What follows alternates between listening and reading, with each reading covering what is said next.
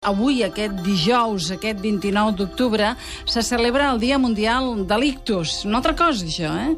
La iniciativa impulsada per l'Organització Mundial de l'Ictus, Organització Mundial Ictus OMI, té com a objectiu sensibilitzar la població en la prevenció i el tractament d'aquesta malaltia que cada any afecta més de 15 milions de persones arreu de, del món. Què és un ictus, Marta? Doncs mireu, és un accident vascular cerebral que s'origina per la disminució o l'obstrucció del flux cerebral. La sang no arriba al cervell en la quantitat necessària i, com a conseqüència, doncs, les cèl·lules nervioses no reben oxigen i deixen de funcionar. I quin, quins símptomes fa? Doncs la debilitat en una banda del cos, la pèrdua de visió, la pèrdua o dificultat de la parla. Aquests són alguns dels símptomes que pot presentar i acostumen a aparèixer de manera sobtada. Què hem de fer davant d'aquests símptomes? A la persona que presenta aquests símptomes cal demanar-li que faci tres accions, que són somriure, aixecar els braços i parlar. Si n'hi ha alguna que no pot fer, cal avisar els serveis d'emergències trucant al 112. Somriure, aixecar els dos braços I parlar. i parlar. Mhm. Si no somriu, no aixeca els dos braços i, i no parla,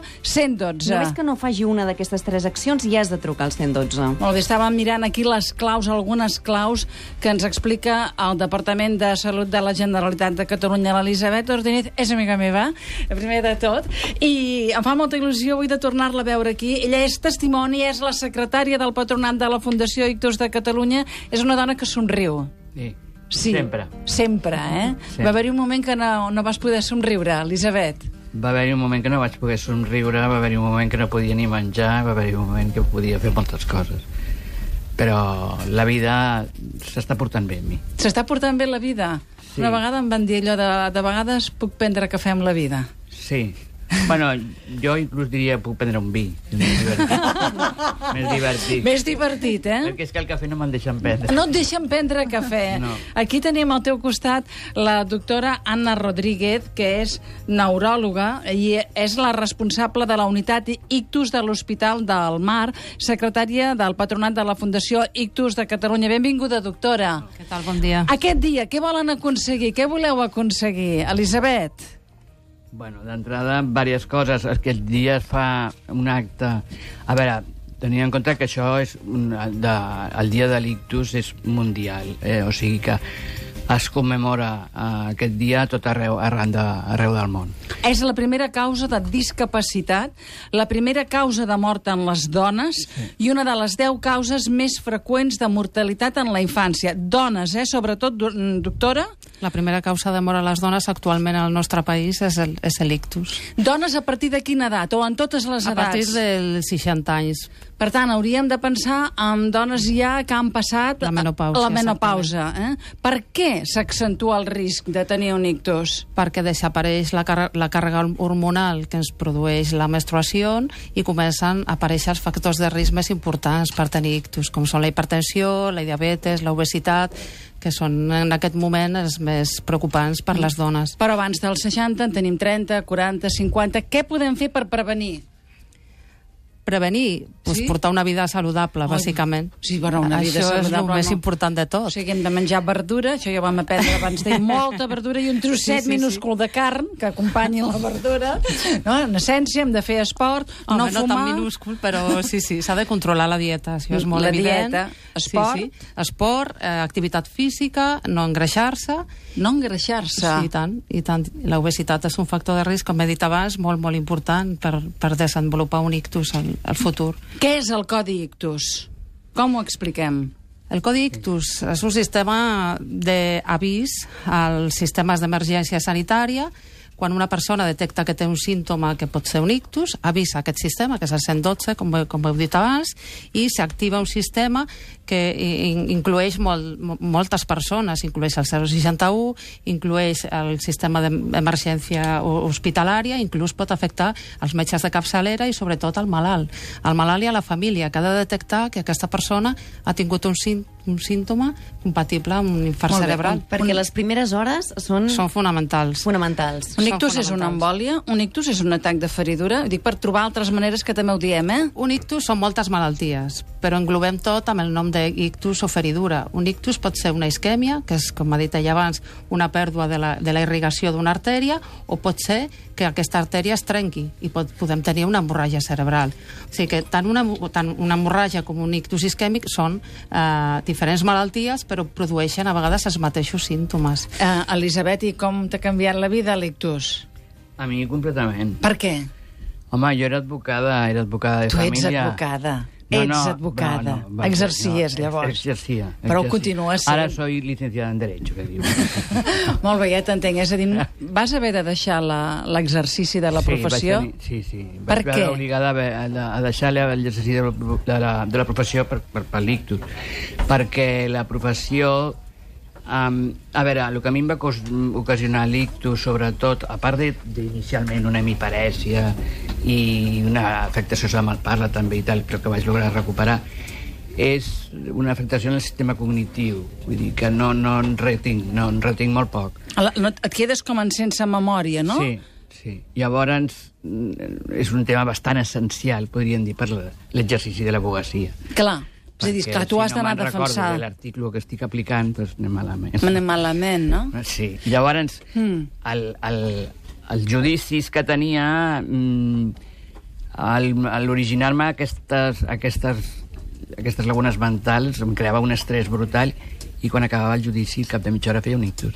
Sigui, eh, es podia arribar a veure una relació entre la situació de tensió emocional Sí. i a fer un lictus, eh? Sí, Per tant, la vida hi té molt a veure.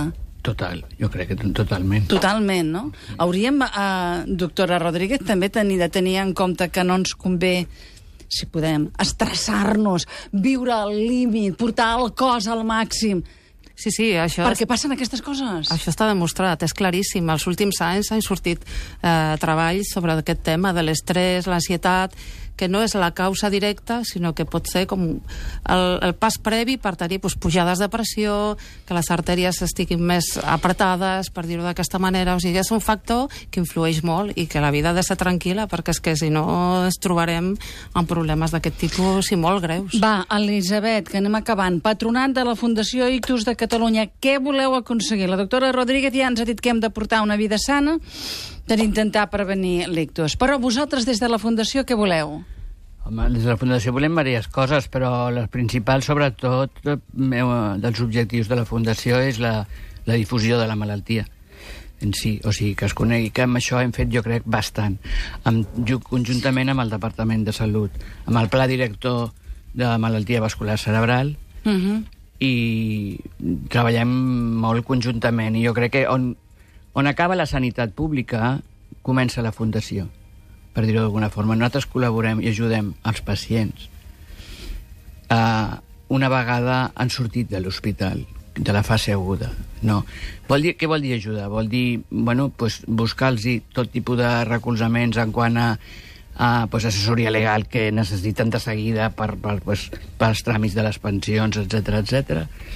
I després eh, tenim convenis amb, amb, amb centres de fisioteràpia perquè la major part de pacients volen continuar amb la fisio una vegada acabada la, a la pública.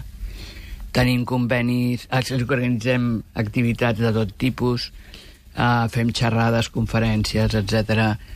Jo crec que se senten molt recolzats. Això per una banda en quant a pacient. I després, el que he dit abans, la difusió de la malaltia, que ho fem conjuntament amb el Departament de Salut, i després està la tercera pota que dic jo de la, de la, de la Fundació, que és la, la, la, la investigació, La Mhm, recerca. La recerca. la recerca. Jo, que no em sortia ara bé La correcte recerca. català. Sí. És que abans eh, diríem, deia investigació, que és tan correcte, i després vam començar-li a dir Sí, la recerca, no?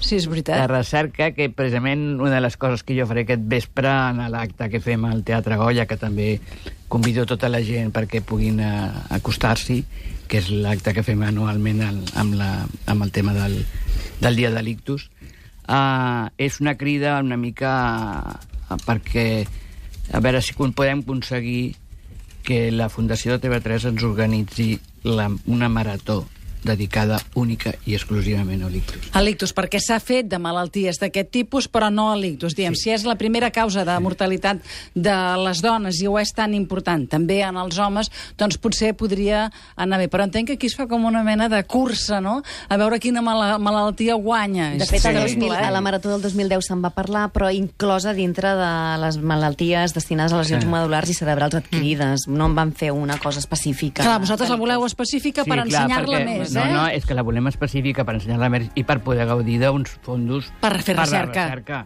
Hòstia, és el que deia. Elisabet, que has dit que queden problemes cognitius, però jo veig que dius punt 1, punt 2, punt 3, punt 4, i que això, està sí. molt ben organitzat, eh? Sí, però he tingut que fer bastant exercici per fer-ho. Però- dona! però això està bé, no? Sí, Això està bé. Està molt bé, no, doctora? Sí, sí, i tant, i Elisabet, tant. home, tenen I una tant. magnífica ambaixadora. I tant. Sí? És una Sí. superació que és... no veiem gaire, eh? És que, és que avui jo que era amiga meva és batalladora, eh? Aquesta Ja, dona, ja. pam, pam, pam, pam, pam, pam, pam, pam, pam, pam, eh? Molt bé. I continuarem. Sí, i tant. Gràcies, Anna Rodríguez. vosaltres. Gràcies, Elisabet Ortinet. Gràcies a doctor Carreras. Gràcies també a Lucía González. Gràcies a, també a Eduard Pla.